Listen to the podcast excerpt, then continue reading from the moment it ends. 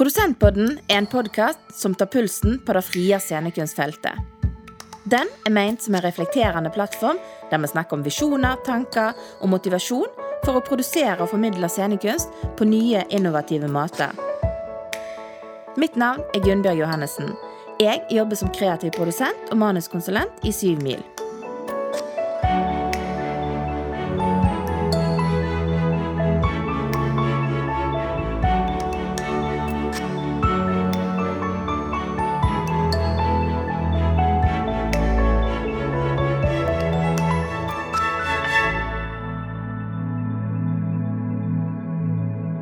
I dagens samtale skal det handle om februars store happening i Bergen. Nemlig Frontlosjefestival på Cornerteatret. Festival er kjent for å løfte fram scenekunstnere i etableringsfasen, og for å kombinere et rikt kunstnerisk program med aktuell fagprogram. I 2012 etablerte teaterviterne Ragnhild Jefsen og Ingrid Saltvik Fånes nettsida frontlosjen.com. Fire år etter, altså i 2016, så ble Frontlosjefestival arrangert for første gang. Noen år har gått siden den tid, men Ragnhild og Ingrid styrer fremdeles festivalskuta, og de har fått med seg flere ressurspersoner på laget. I tillegg til å være kunstnerisk leder for festivalen, så er Ragnhild stipendiat på Universitetet i Bergen. Ingrid er både kunstnerisk leder og festivalprodusent. Hun er òg frilansprodusent og daglig leder i produksjonsselskapet 237 Scene i Lærdal. Velkommen. Hei, hei. Er det lunsjen? Ja. Ja. Eller mellommåltid før lunsj etterpå. På Frontlosjen sine nettsider så står det Kom på skattejakt. I skattkista finner du nye perler og uslepne diamanter i form av urpremierer, fagprogram og pinjata.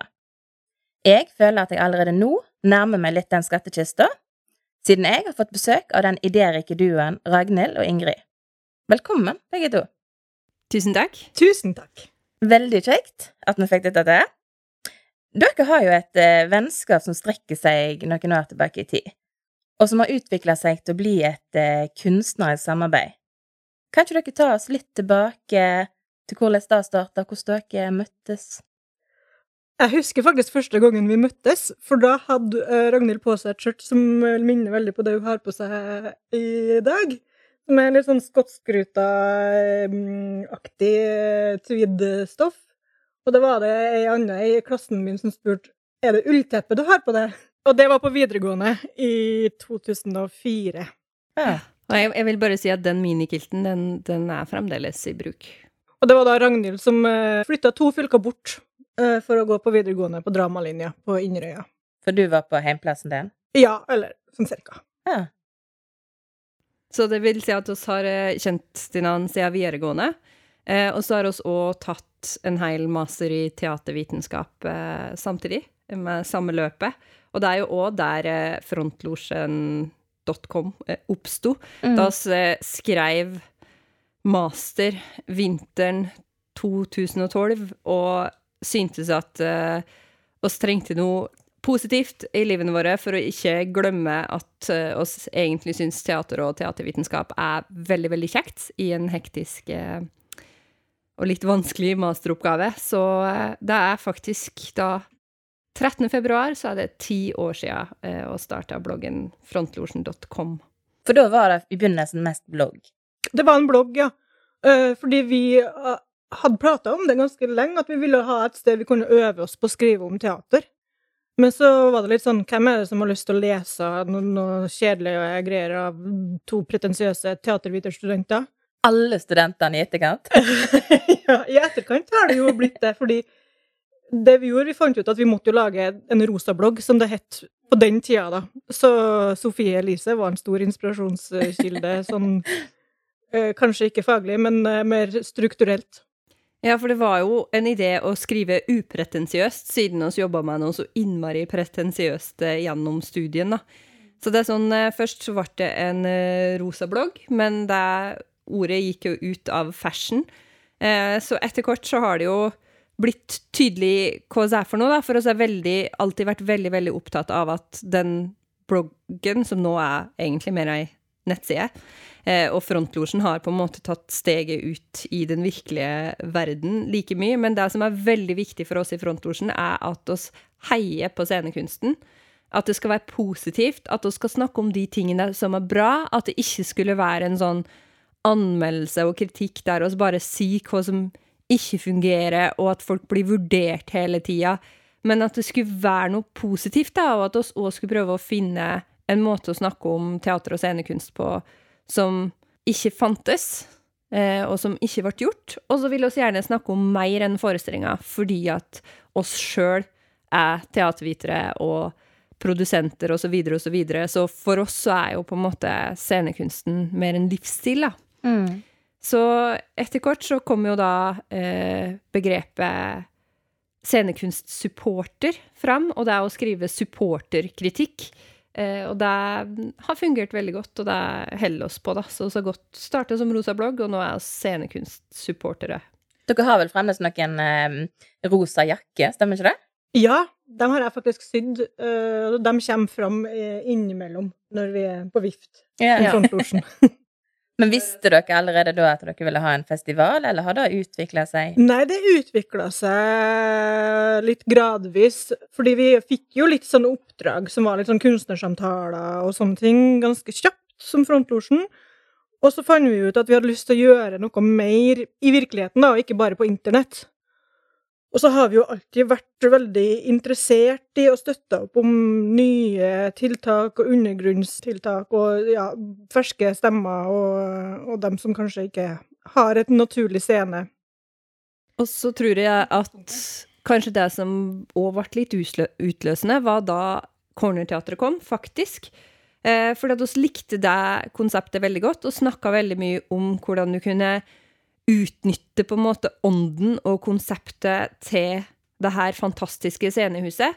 Og at etter kort som det ble etablert, og det der med å kunne ha en scene som ikke er kuratert, da, eh, for alle de som faller mellom stolene og ikke får lov til å liksom komme på teatergarasjen, eller ikke passe under festspillen, eh, så blir du fort veldig usynlig, da, sjøl om endelig så fikk oss en mer åpen og spennende arena. Og da mener jeg ikke at de andre are- arenaene ikke er spennende, jeg mener bare at, at de fylte et tomrom eh, som vi hadde behov for i byen, da.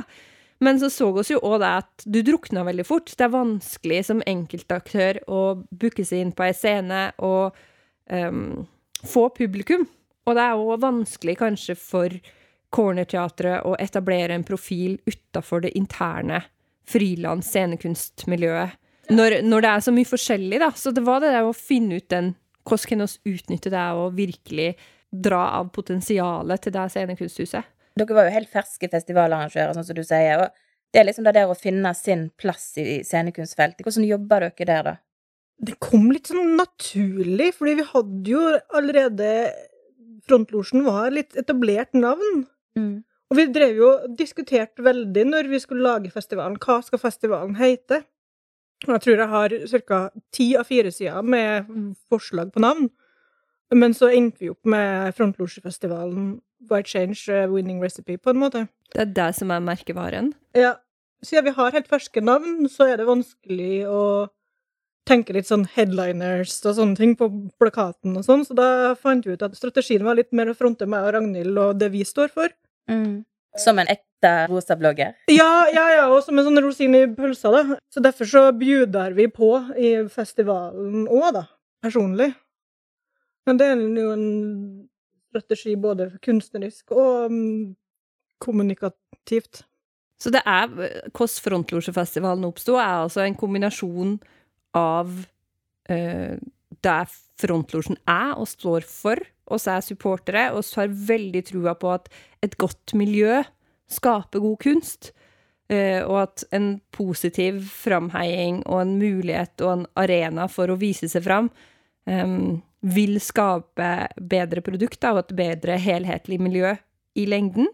Og så var det det at festivalen var òg laga med Cornerteatret i tanken, og muligheten i det huset, da, og kunne booste det, eh, det å vise fram noe på Kornteatret med å ramme det inn i en festival.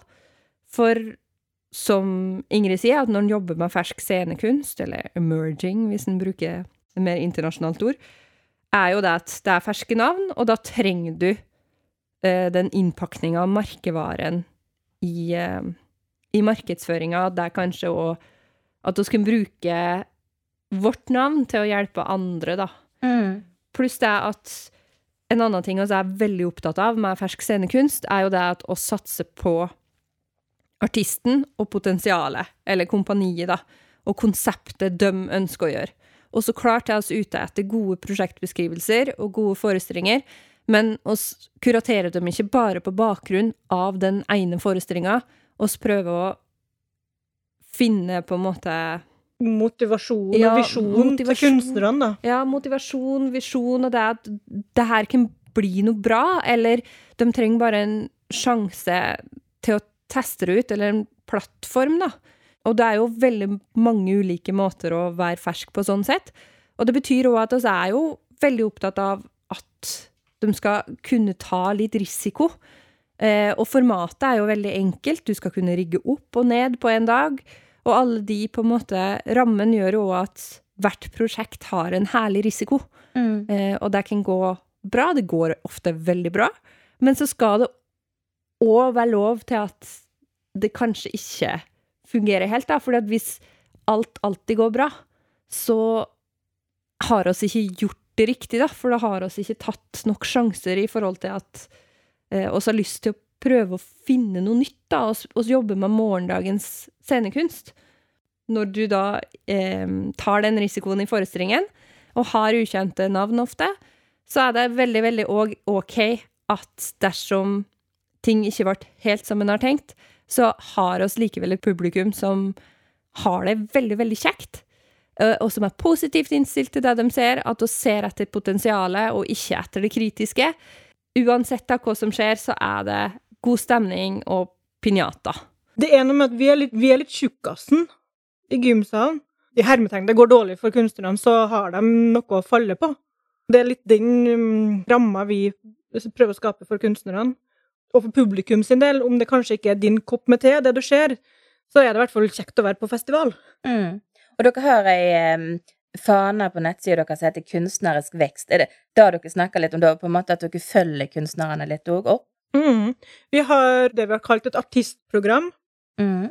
som vi har hatt særlig fokus nå på det siste året, på oppfølging av dem som er med i år. Og det har vi egentlig alltid hatt lyst til, men etter korona så fant vi ut at det var kanskje et ekstra stort behov for å følge opp dem ekstra.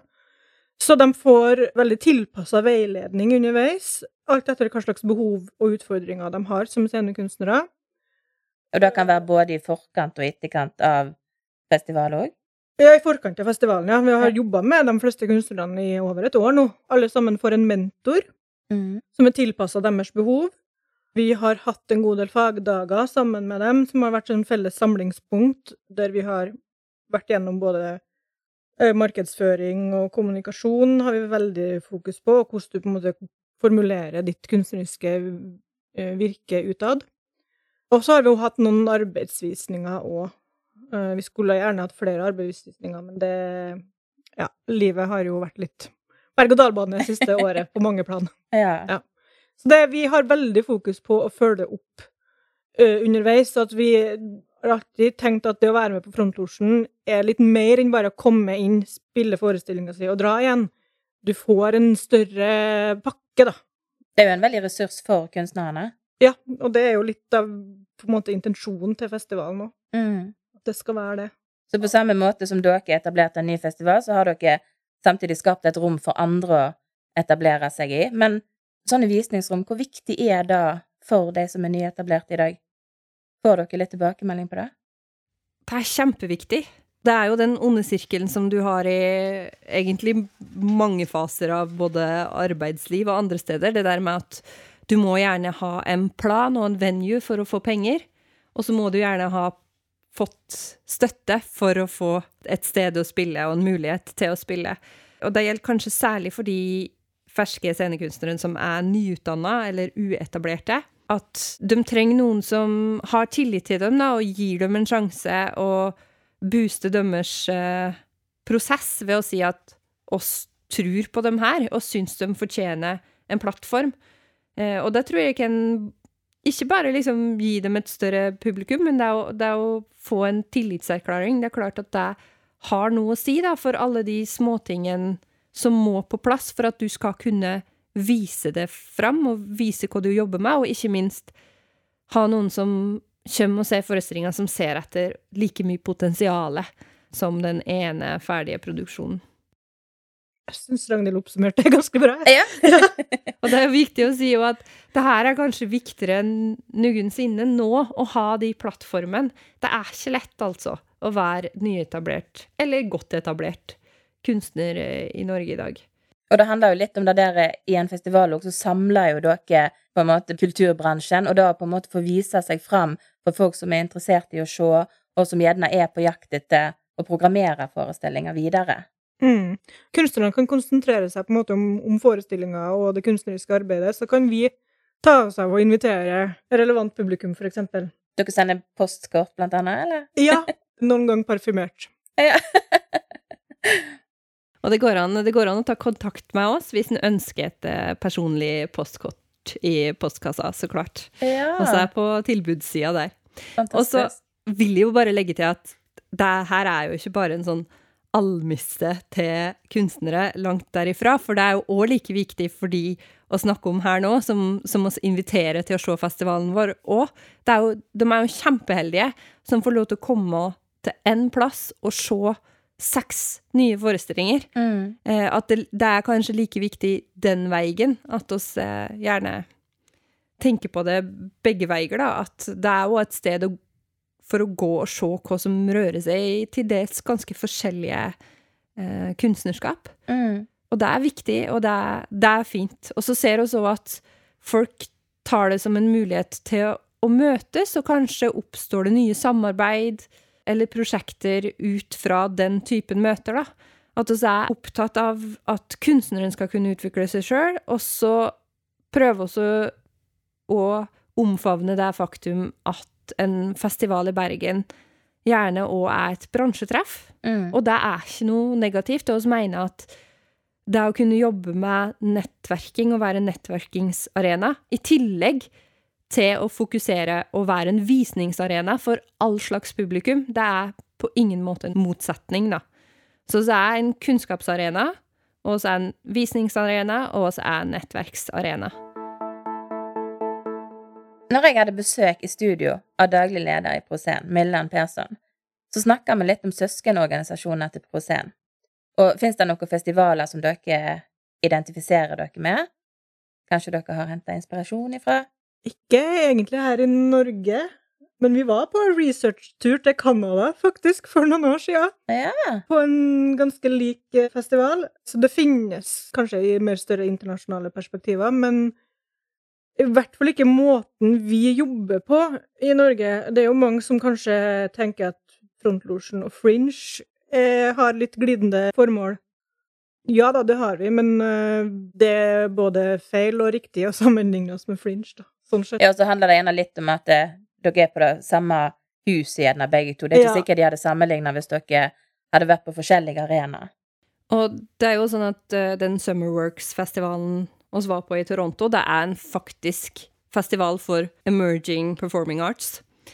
Og det er jo kanskje det som, som gjør Frontlosjefestivalen spesiell da, i festivallandskapet i Bergen, at oss jobber veldig spesifikt mot fersk scenekunst, og jobber med at, som Ingrid sa, at det ikke skal bare være visninger, men at det er en reise, og at oss er med og både gjennom kunstneriske mentorer, men vi må heller ikke glemme at vår produsent Ingrid kan bidra med ganske mye kunnskap til dem inn i løpet av den prosessen. Mm. Så det er kanskje den største forskjellen, men samtidig så er det jo likheter, for eksempel i forhold til Fringe, altså det at det er mange forskjellige forestillinger, god stemning, at det er på Kornteatret, eller introserien til BT Teatergarasjen og de dansesatsingene de har gjort og sånt. Altså, siden vi starta og hadde den første festivalen, så har de ferske stemmene i Bergen blitt plukka opp mye bedre. Mm. Siden da så har Fringe kommet, BT har igjen funnet sitt spillerom til å satse mer på det, og de, de tiltakene syns oss er kjempeflotte, og det har jo òg gjort at oss hele tida måtte pushe oss og videreutvikle og tenke på nytt, da. Annethvert år når vi skal ha en ny festival. Hva er det som mangler nå? Hva er det oss kan bidra med å fokusere på nå? Mm. For eksempel da mange dansekunstnere eh, ble tidligere plukka opp gjennom Teatergarasjen, så valgte vi også å fokusere spesielt på dem som hadde bakgrunn fra teater, og tenke litt nytt og forsøke litt rundt det. Det gjorde oss nå sist gang. Og ja, litt ulike ting, da, at oss òg tenker hele tida hvordan kan oss komplementere eh, og være med på, på, å gjøre hele feltet bedre da, i Bergen. Vi har jo en ganske vid definisjon av hva det vil si å være nyetablert. Det er jo en, kanskje en avsporing, eller en appendix til det Ragnhild nettopp snakka om. Fordi treng, du trenger ikke nødvendigvis være nyutdanna eller ung for å være med på Frontlosjefestivalen. Tidligere så har vi hatt en scenekunstner som på en måte har gjort et comeback. Uh, Ole Mats eh, Vevle. Sånn som i fjor. Vi har eh, scenekunstnere som gjør sitt første soloprosjekt, som har jobba mange, mange år på, på institusjon, uh, sånn som uh, Sigmund Jøss Hovin gjør i år. Vi har ferske konstellasjoner, men òg, ja, så klart nyutdanna folk. Og det kommer gjerne nye kompanier som mm. finner sammen, så mm. Eller folk som er ferske i Bergen og ja, trenger, ja, trenger, en sjanse til et første visningspunkt. Og det er òg litt viktig for oss at, at det òg er en forskjell, da. At det er um, for nå har vi også snakka veldig mye om at vi ønsker at det skal være en risiko, og ønsker at det skal være ferskt og være på vei et sted. Men vi er jo så klart òg opptatt av en kunstnerisk kvalitet, og det ser oss etter, uansett om de er nyutdanna, har holdt på lenge, eller om de av og til er i en uh, ferd med å utdanne seg til kunstnere ikke via en institusjon. Mm. For det er jo en diskusjon. Når, når er du en profesjonell kunstner? Og skal det være lov til å bli en profesjonell kunstner? Har oss rom for de semiprofesjonelle i vår festival, da? Det er jo Ja. Det er mange, mange veier til mål, og så hele tida opptatt av kvalitet, da. Mm.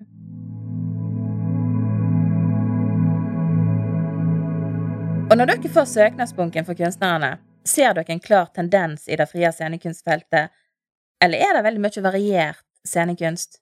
Både og, har jeg lyst til å si.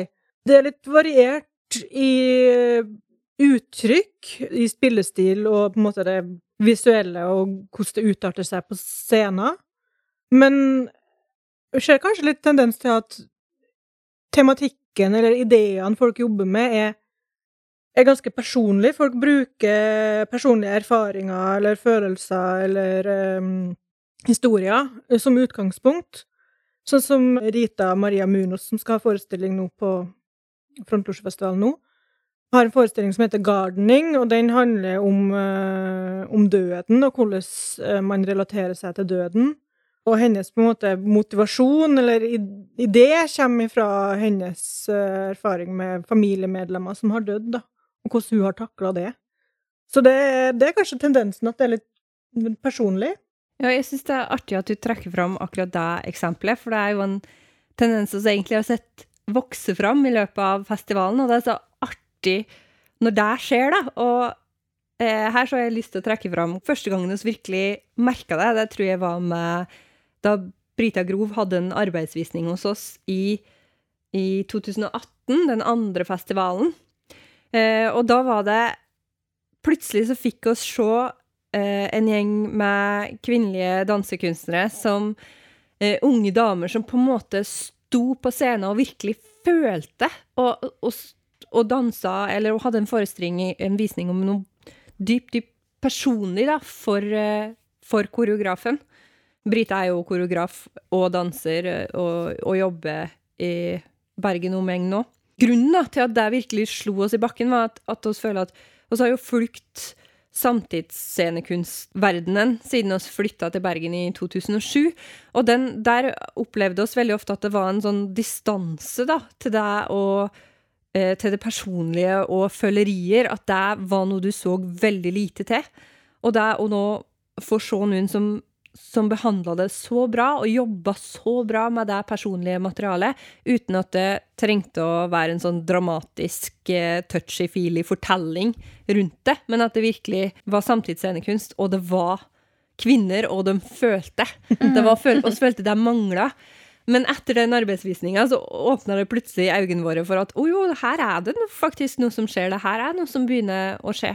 Eh, og de da både neste festival i 2020, da for øvrig Brita hadde fullversjonen av den forestillinga, men òg, ikke minst nå, i søknadsbunken til den festivalen her, da, så har vi jo sett at det eh, virkelig er noe som har eksplodert og funnet veien inn overalt. og og det er så kjekt, altså, når du jobber med fersk scenekunst, å kunne få lov til å være med på de reisene og være den som Og så er jeg jo litt nerdete, så når du oppdager sånne nye strukturer og tema som popper fram, så er det kjempegreit. Mm.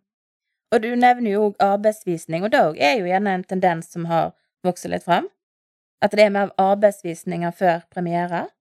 Det henger jo litt sammen med at vi vil være et, eh, en arena der man kan få lov til å teste ut og prøve, prøve og og se hvordan man skal gjøre ting. Og jeg tror det er veldig viktig å gjøre det for et publikum. Mm. Vi skulle egentlig ha med ei arbeidsvisning i år, men eh, det endte opp med å bli en eh, ferdig forestilling, så vi har ingen arbeidsvisninger på årets festival. Nei. Alle ble ferdige? Mm. Ja, jeg håper nå det. De sier nå at de skal bli det. For alle forestillingene er jo urpremierer, og det er veldig viktig for oss. Mm. At de eh, i hvert fall ikke har blitt vist i Bergen før, og at det er forestillinger de jobber med opp mot festivalen, sånn at vi kan være med og ikke at vi har, vi har alltid en armlengdes avstand til det kunstneriske innholdet, men at vi er med litt mer på produksjonssida og, og er en motivator, da. Og det er jo viktig å Det er jo mange som har eh, residency og arbeidsvisninger, og det er jo noe som vokser fram overalt, som du sier, og som egentlig har vært eh, vanlig lenge. Og det er veldig naturlig for Frontlosjefestivalen å være en del av det, da, og ha den arbeidsvisninga og et veldig villig og fint publikum som ønsker å være igjen og snakke om det etterpå og være med og heie fram, da. Så her vil jeg òg liksom rose publikum som, som stiller opp og, og syns det er kjekt mm. å kunne være med på reisen til en forestilling. Og da er det òg veldig kjekt at de ofte òg kan komme tilbake til festivalen. Og ei sånn forestilling har oss jo òg nå. Rita Løvetannshjerte, som hadde en arbeidsvisning for to år siden, og som nå kommer tilbake med full forestilling. Mm. Og der gleder oss jo oss veldig til å se den urpremieren, og se hvordan den reisa, hvordan den forestillinga har utvikla seg, da. Jeg snakka senest med Lina Tøle Fjørtoft, som har den forestillinga i går, som sa du, kan jeg sende inn en ny tekst til programmet, fordi det har utvikla seg veldig ut siden jeg sendte inn den, den nå i høst. Så det, det lever veldig, og det er bare ja, så klart kan du sende inn en ny tekst. Jeg så hennes arbeidsvisning for to år siden, ja. så jeg gleder meg veldig til urpremieren. Ja, det tror jeg forandrer seg veldig, sjøl om på en måte essensen og kjernen fortsatt er der, da. Mm. Så det blir veldig spennende å se. Nå snakker vi jo en del om festival, selvfølgelig, men hvis en går litt mer til de etablerte scenene, hva vil dere se mer av? Har dere noe å tenke om det? Jeg vil fremdeles se mer teater. Ja. For oss jobber jo ikke bare med Det trenger ikke være samtidsscenekunst eh, aktig stil på det som, det som er på våre forestillinger. Og det er ofte veldig mye fysisk. Mange utrolig dyktige dansere. Jeg syns eh, det frie dansekunstfeltet i Bergen, der er det skikkelig mye digg. Mm. Eh, og det er mange gode teaterkompanier òg, men jeg skulle ønske at det var et enda større tilfang, da. At du hadde en større underskog av uh, profesjonelle aktører som springer ut av et teatermiljø. Det kan jo være så mye forskjellig, og det er jo så klart veldig vanskelig å sette markelapp på mye som skjer, og på en måte så kan du jo si det er ikke så farlig hvor du kommer fra, men det er jo, det er jo på en måte Se teaterteater, da. Mm. Det hadde vært gøy å se enda mer nytt av det. Det er jo litt det som kanskje er utfordringa vi får her i Bergen, med at vi ikke har noen utdanningsinstitusjoner som utdanner scenekunstnere. Så vi, vi må på en måte finne andre innfallsvinkler til, til nye ting, da. Mm. Det er litt Derfor har vi jo Frontlosjefestivalen. Ikke at vi skal være en utdanningsinstitusjon, men at vi, vi må finne må andre måter å utvikle profesjonell scenekunst på i Bergen. Mm. Men jeg tror faktisk det var Camilla Svingen som nevnte det på en tidligere podkastepisode òg, at det, hun ser veldig tendens til at det er veldig mange dansekompanier som blir etablerte nå, men ikke like mye scenekunstkompanier. Og det er jo litt det som du òg snakker om, Ragnhild. Ja, og der snakkes det var kanskje et av hovedtemaene eh, for og det faglige programmet og måten vi tenkte på ved forrige festival. Mm. Eh, men jeg, fremdeles så tenker jeg at det behovet er der. Men da tenker jeg jo at det har blitt tydelig òg for oss at vi må løfte fram hva det vil si da, å komme fra et felt og kunne være en profesjonell kunstner. Eh, fordi selv om vi ikke har en direkte utdanningsinstitusjon for scenekunstnere i Bergen, så har oss jo mange utdanninger som eh, der studentene går videre til å bli scenekunstnere. Mm. Eh, enten det er eh, gjennom kunst, musikk, design eh, på UiB, eller om det er ja, teatervitenskap eller drama på høyskolen. Altså det å prøve å vise at det er mange veier til rom, da. Mm. For vi ser ofte det at eh, hvis en skuespiller har lyst til å være regissør, så blir den regna som profesjonell med en gang. Men hvis en utdanna dramaturg har lyst til å være regissør, så blir den regna som en amatør Mm. veldig fort. Eh, og s- Fordi at man ikke har en utøvende kunst, Ja. utdanning på den måten, ja. Og vi føler kanskje også bare skrapa litt i overflaten der òg, da, om at det kanskje òg er en diskusjon. For samtidig så er vi jo veldig opptatt av, og veldig enige med, at en skal beskytte litt profesjonelle titler og ta det på alvor. At du kan ikke være hvem som helst og begynne med hva som helst og få profesjonelle midler. Men samtidig så, så det å være profesjonell, da, og det å være i en overgangsfase, det kan være litt vanskelig, og så vil oss vel heller ikke inn i et scenekunstlandskap som er så firkanta at du må være utdanna et bestemt sted for å kunne være profesjonell scenekunstner. Da blir det jo veldig kjedelig. Mm. For det er jo, en, det er jo noe som eh, på en måte ble brutt opp da vi fikk f.eks. flere skuespillerutdanninger enn Teaterhøgskolen og KIO. Men så føler jeg av og til at det at vi har nå flere utdanninger i Norge, og kanskje har lukka litt boksen for å komme inn fra et alternativt sted, da, og bli eh, utøvende skuespiller, f.eks. Og det er jo noe vi må være litt obs på, og det er òg kanskje en av de tingene som vi fokuserer på det i det faglige programmet i år. Ja. Kan vi snakke litt om det faglige programmet?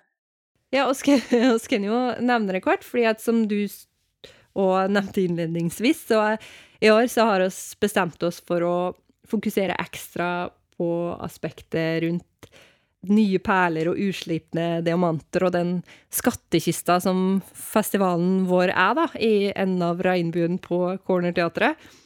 Eh, og kanskje litt skjulte skatter, og vi pleier å ha nye tema for fagdagen, eller det faglige programmet vårt, da. Nå har vi bestemt oss for å fokusere på dem som former, da, og sliper mange av diamantene, altså utdanningsinstitusjonen. For veldig mange av de kunstnerne vi har, de kommer fra Fredrikstad eller fra Laban eller fra Parch, altså ulike utdanningsinstitusjoner, og det er veldig interessant å få en innsikt i hva de ser etter da, på Høgskolen for dans eh, i en, en ny student som kommer inn og skal bli en profesjonell scenekunstner. Og hvordan de jobber med dem og sånt. da, For de setter jo faktisk dagsorden på mange måter og er med å forme og bestemme en ganske stor andel av de profesjonelt eh, utdanna kunstnerne våre. da. Så det er veldig interessant å bevisstgjøre og forstå hvordan diamantene våre blir slipt, da. Mm. For å, som både er nødvendig, kanskje, for at de skal bli den beste versjonen av seg sjøl, men at også må, må være litt bevisste på støpeformen og teknikken som blir brukt, da. Og fagprogrammet da er på dagtid som debatter, foredrag, workshop, eller Det er seminarer, sånn som det Ragnhild snakka om nå, men vi har òg mer direkte workshops om dramatikk. Så vi skal jo få inn Lisa Lee til å ha en workshop i hvordan hun utvikler ny scenetekst. Ja. Så det er, det er en kombinasjon, rett og slett. Mm. Det er det. Veldig spennende.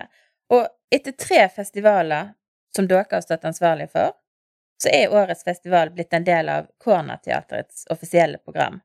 Hva betyr de endringene for festivalen? Det betyr egentlig ikke så veldig mye rent kunstnerisk, men litt mer organisatorisk så er Cornerteatret med uh, som arrangør, rett og slett.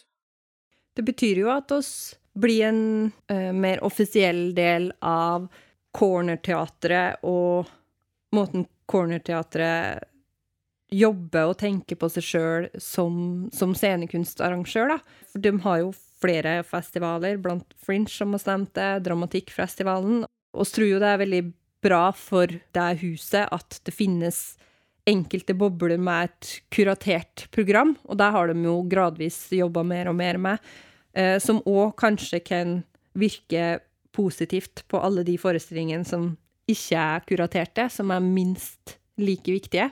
At kanskje det kan gi et eh, løft og, og kanskje være med på å skape et trofast publikum for cornerteatret generelt. Det tror jeg er viktig. Eh, også som sagt så er jo den festivalen her delvis og skapt for å utnytte potensialet til Cornerteatret, så syns det er veldig fint å være, bli en offisiell del av det, og være, være under Cornerteatret, sjøl om festivalen og merkevaren følger jo med og Ingrid som kunstneriske ledere. Men rent organisatorisk så gjør jo det at festivalen heller ikke blir så sårbar. Fordi at vi kan være et, eh, et større apparat og fortsette så lenge vi ønsker å gjøre det litt, litt mer uavhengig av jobbsituasjonen, eksempel. Det handler egentlig om å gjøre festivalen og strukturen mer robust. Mm.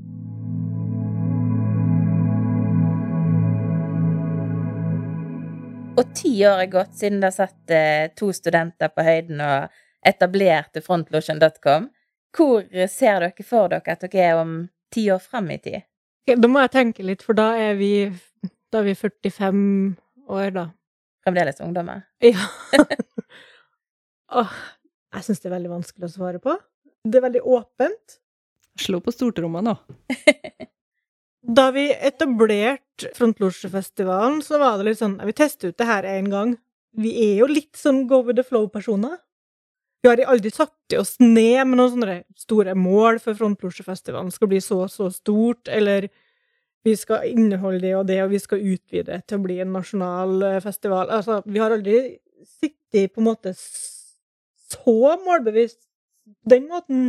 Det er vel det der med at oss, målene som satte satt oss, er at, at vi skal alltid lage en kjempebra festival, og at en solid festival ikke nødvendigvis er i en sånn evigvarende vekst Mm. i forhold til antall dager og kunstnere, men at oss i stedet for å tenke at vi skal utvide festivalen så veldig mye utover de tre dagene, så har vi heller tenkt hvordan kan vi gjøre den stadig bedre? Hvordan kan vi bli en bedre kunnskapsarena for kunstneren som er med? Hvordan kan vi liksom At vi har fokusert på ett og ett aspekt for hvert år, da, for å få det bedre.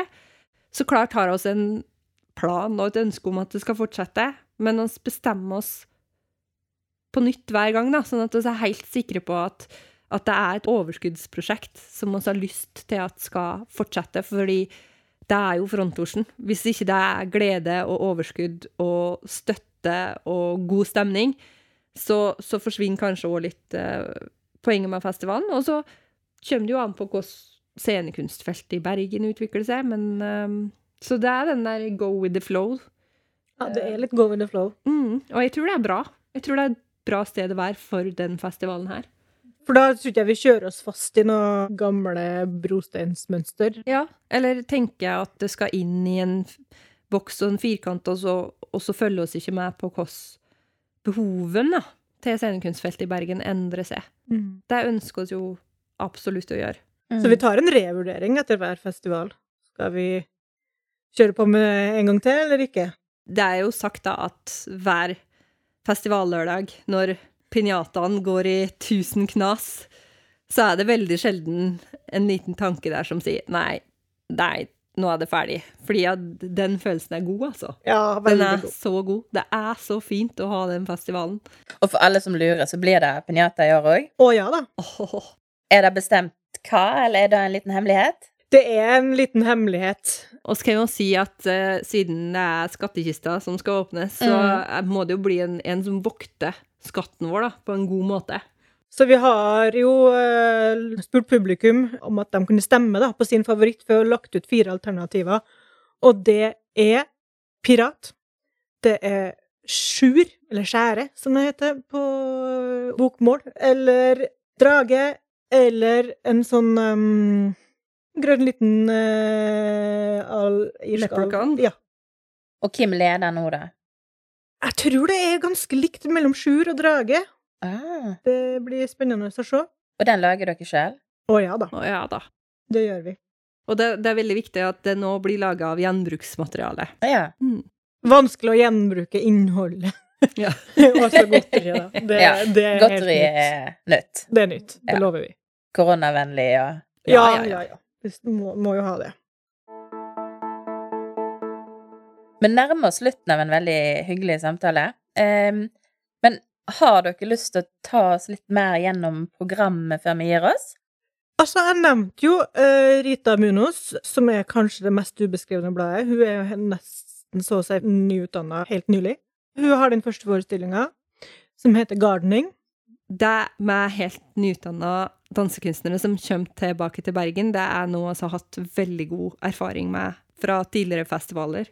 Eh, og det er alltid liksom Det har nesten blitt en eh, fast del av programmet, og vi gleder oss jo veldig til å se det. Andre forestillinga på torsdagen er Den skamfulle dansen av Anna og Berit Einemo Frøysland. De er begge to utdanna dansere. De kommer fra Lærdal, i Sogn.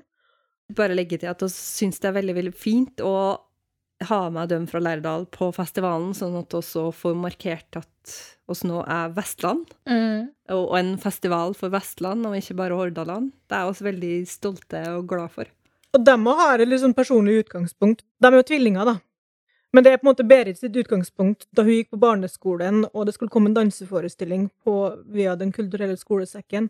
Og så hadde læreren sagt ja, dere må gjerne engasjere dere og klappe med og trampe takta. Men hun var så beskjeden, så hun fikk ikke til det, så hun satt bare og trampa takta inni, inni skoa. Ja. Så det handler jo om rett og slett hvordan man skal liksom slippe hemningene og slå seg litt løs, da. Mm. Det var torsdagen, og så fredagen så er det Sang Hon Lee.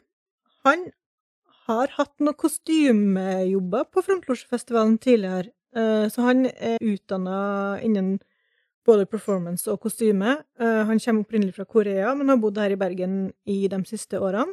Han er en kunstner som har ganske mange ulike hatter, sånn sett. Eh, Men det er det første prosjektet han gjør som scenekunstner. Og den heter Sometimes the directive may not work as planned. Og det er med vilje at jeg skriver litt rart, for det er en direkte Google Translate-oversettelse fra en koreansk tittel. Det handler om språk og hvordan ting blir litt sånn meta i oversettelser, og hvordan ting blir, kanskje blir lost in translation og lignende. Og han går nå på Kunsthøgskolen på koreografi.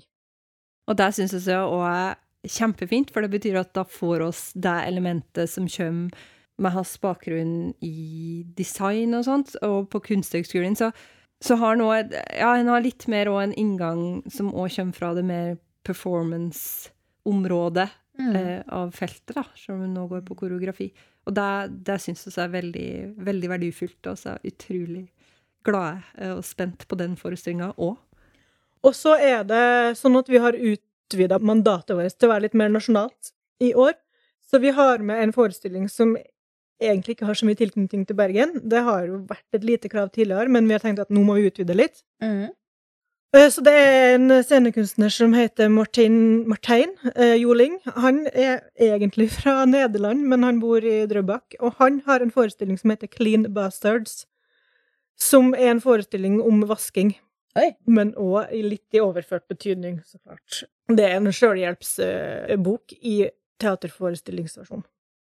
Og det blir så artig, og syns jo at det er et viktig del av mandatet vårt, det der med at Scenekunst-Norge er veldig lite. Og, og hvis eh, Bergen skal være en vibrerende kulturby, så, så må det òg være et attraktivt eh, sted for kunstnere å komme til. da, At vi får flere forestillinger og gjesteforestillinger Mm. til byen òg, som ikke nødvendigvis er bare knytta til et kuraterende teater. Det er en eh, nyutvikling vi mener absolutt har sin plass i vår festival. En skaper jo et mer pulserende liv da, i Bergen. Absolutt. Det føler jeg det er viktig for oss å bidra til. Mm. Og i tillegg så er det jo en av danserne fra Bergen, da. Ja. Som var med på forrige festival. Så det er en, det er noen sånne glidende overganger her. Det er alltid en link til Bergen. Ja, sant. Og så er det siste dagen, som er lørdagen, og da er det Lina Taule Fjørtoft med Rita Løve Tannhjerte, som vi nevnte tidligere, som handler om eh, barn som vokser opp i litt Heima der ting skurrer litt. Og så avslutter Sigmund Njøs Hovin med forestillinga Amor Fati, som kan oversettes ca. til Aksepter din skjebne. Han har jo vært skuespiller på DNS i mange år, men nå har han satsa på en uh, mer frittstående eller frittgående karriere som scenekunstner, så det her er det hans eh, første uh, soloprosjekt, da, Mm. som han produserer sjøl. Og det er jo en ting vi har snakka om, og som vi også har hatt, egentlig, i ulike varianter i hver festival, at uh, du gjerne har etablerte, godt etablerte scenekunstnere som, som ønsker å jobbe med ulike typer soloprosjekt og andre ting de har gjort før, og det er så verdifullt for oss. Og etter siste forestilling så blir det jo losjefest. Ja. Da er det god stemning med, etter alle smittevernkunstens eh, regler for gjeldende Tidspunkt. tidspunkt. Med, med piñata og hotdogs og alt som er fint og kjekt. Og så feirer oss publikum, og så feirer oss kunstneren. Og så feirer oss oss sjøl, som jo har tiårsjubileum. Det blir god stemning! Det blir God stemning. Tusen takk for at dere kom til Produsentpodden. Og tvi-tvi med årets festival. Skal vi gjenta datoen for de som vil merke dagene i kalenderen? Ja, for det tror jeg vi har sagt i det hele tatt. 24. til 26. februar 2022. Altså siste helga i februar. Ja. På Cornerteatret. Alt sammen. Og jeg vil trekke fram at dere har ei veldig fin og informativ nettside. Så til alle, sjekk ut frontlosjen.com for mer festivalinfo. Produsentpodden er produsert av Camilla Svingen og Gunnbjørg Johannessen for Syv Mil AS. Teknisk ansvarlig er Roy Bjørge. Podkasten er støtta av Bergesen-stiftelsen, Fritt Ord og Fond for lyd og bilde.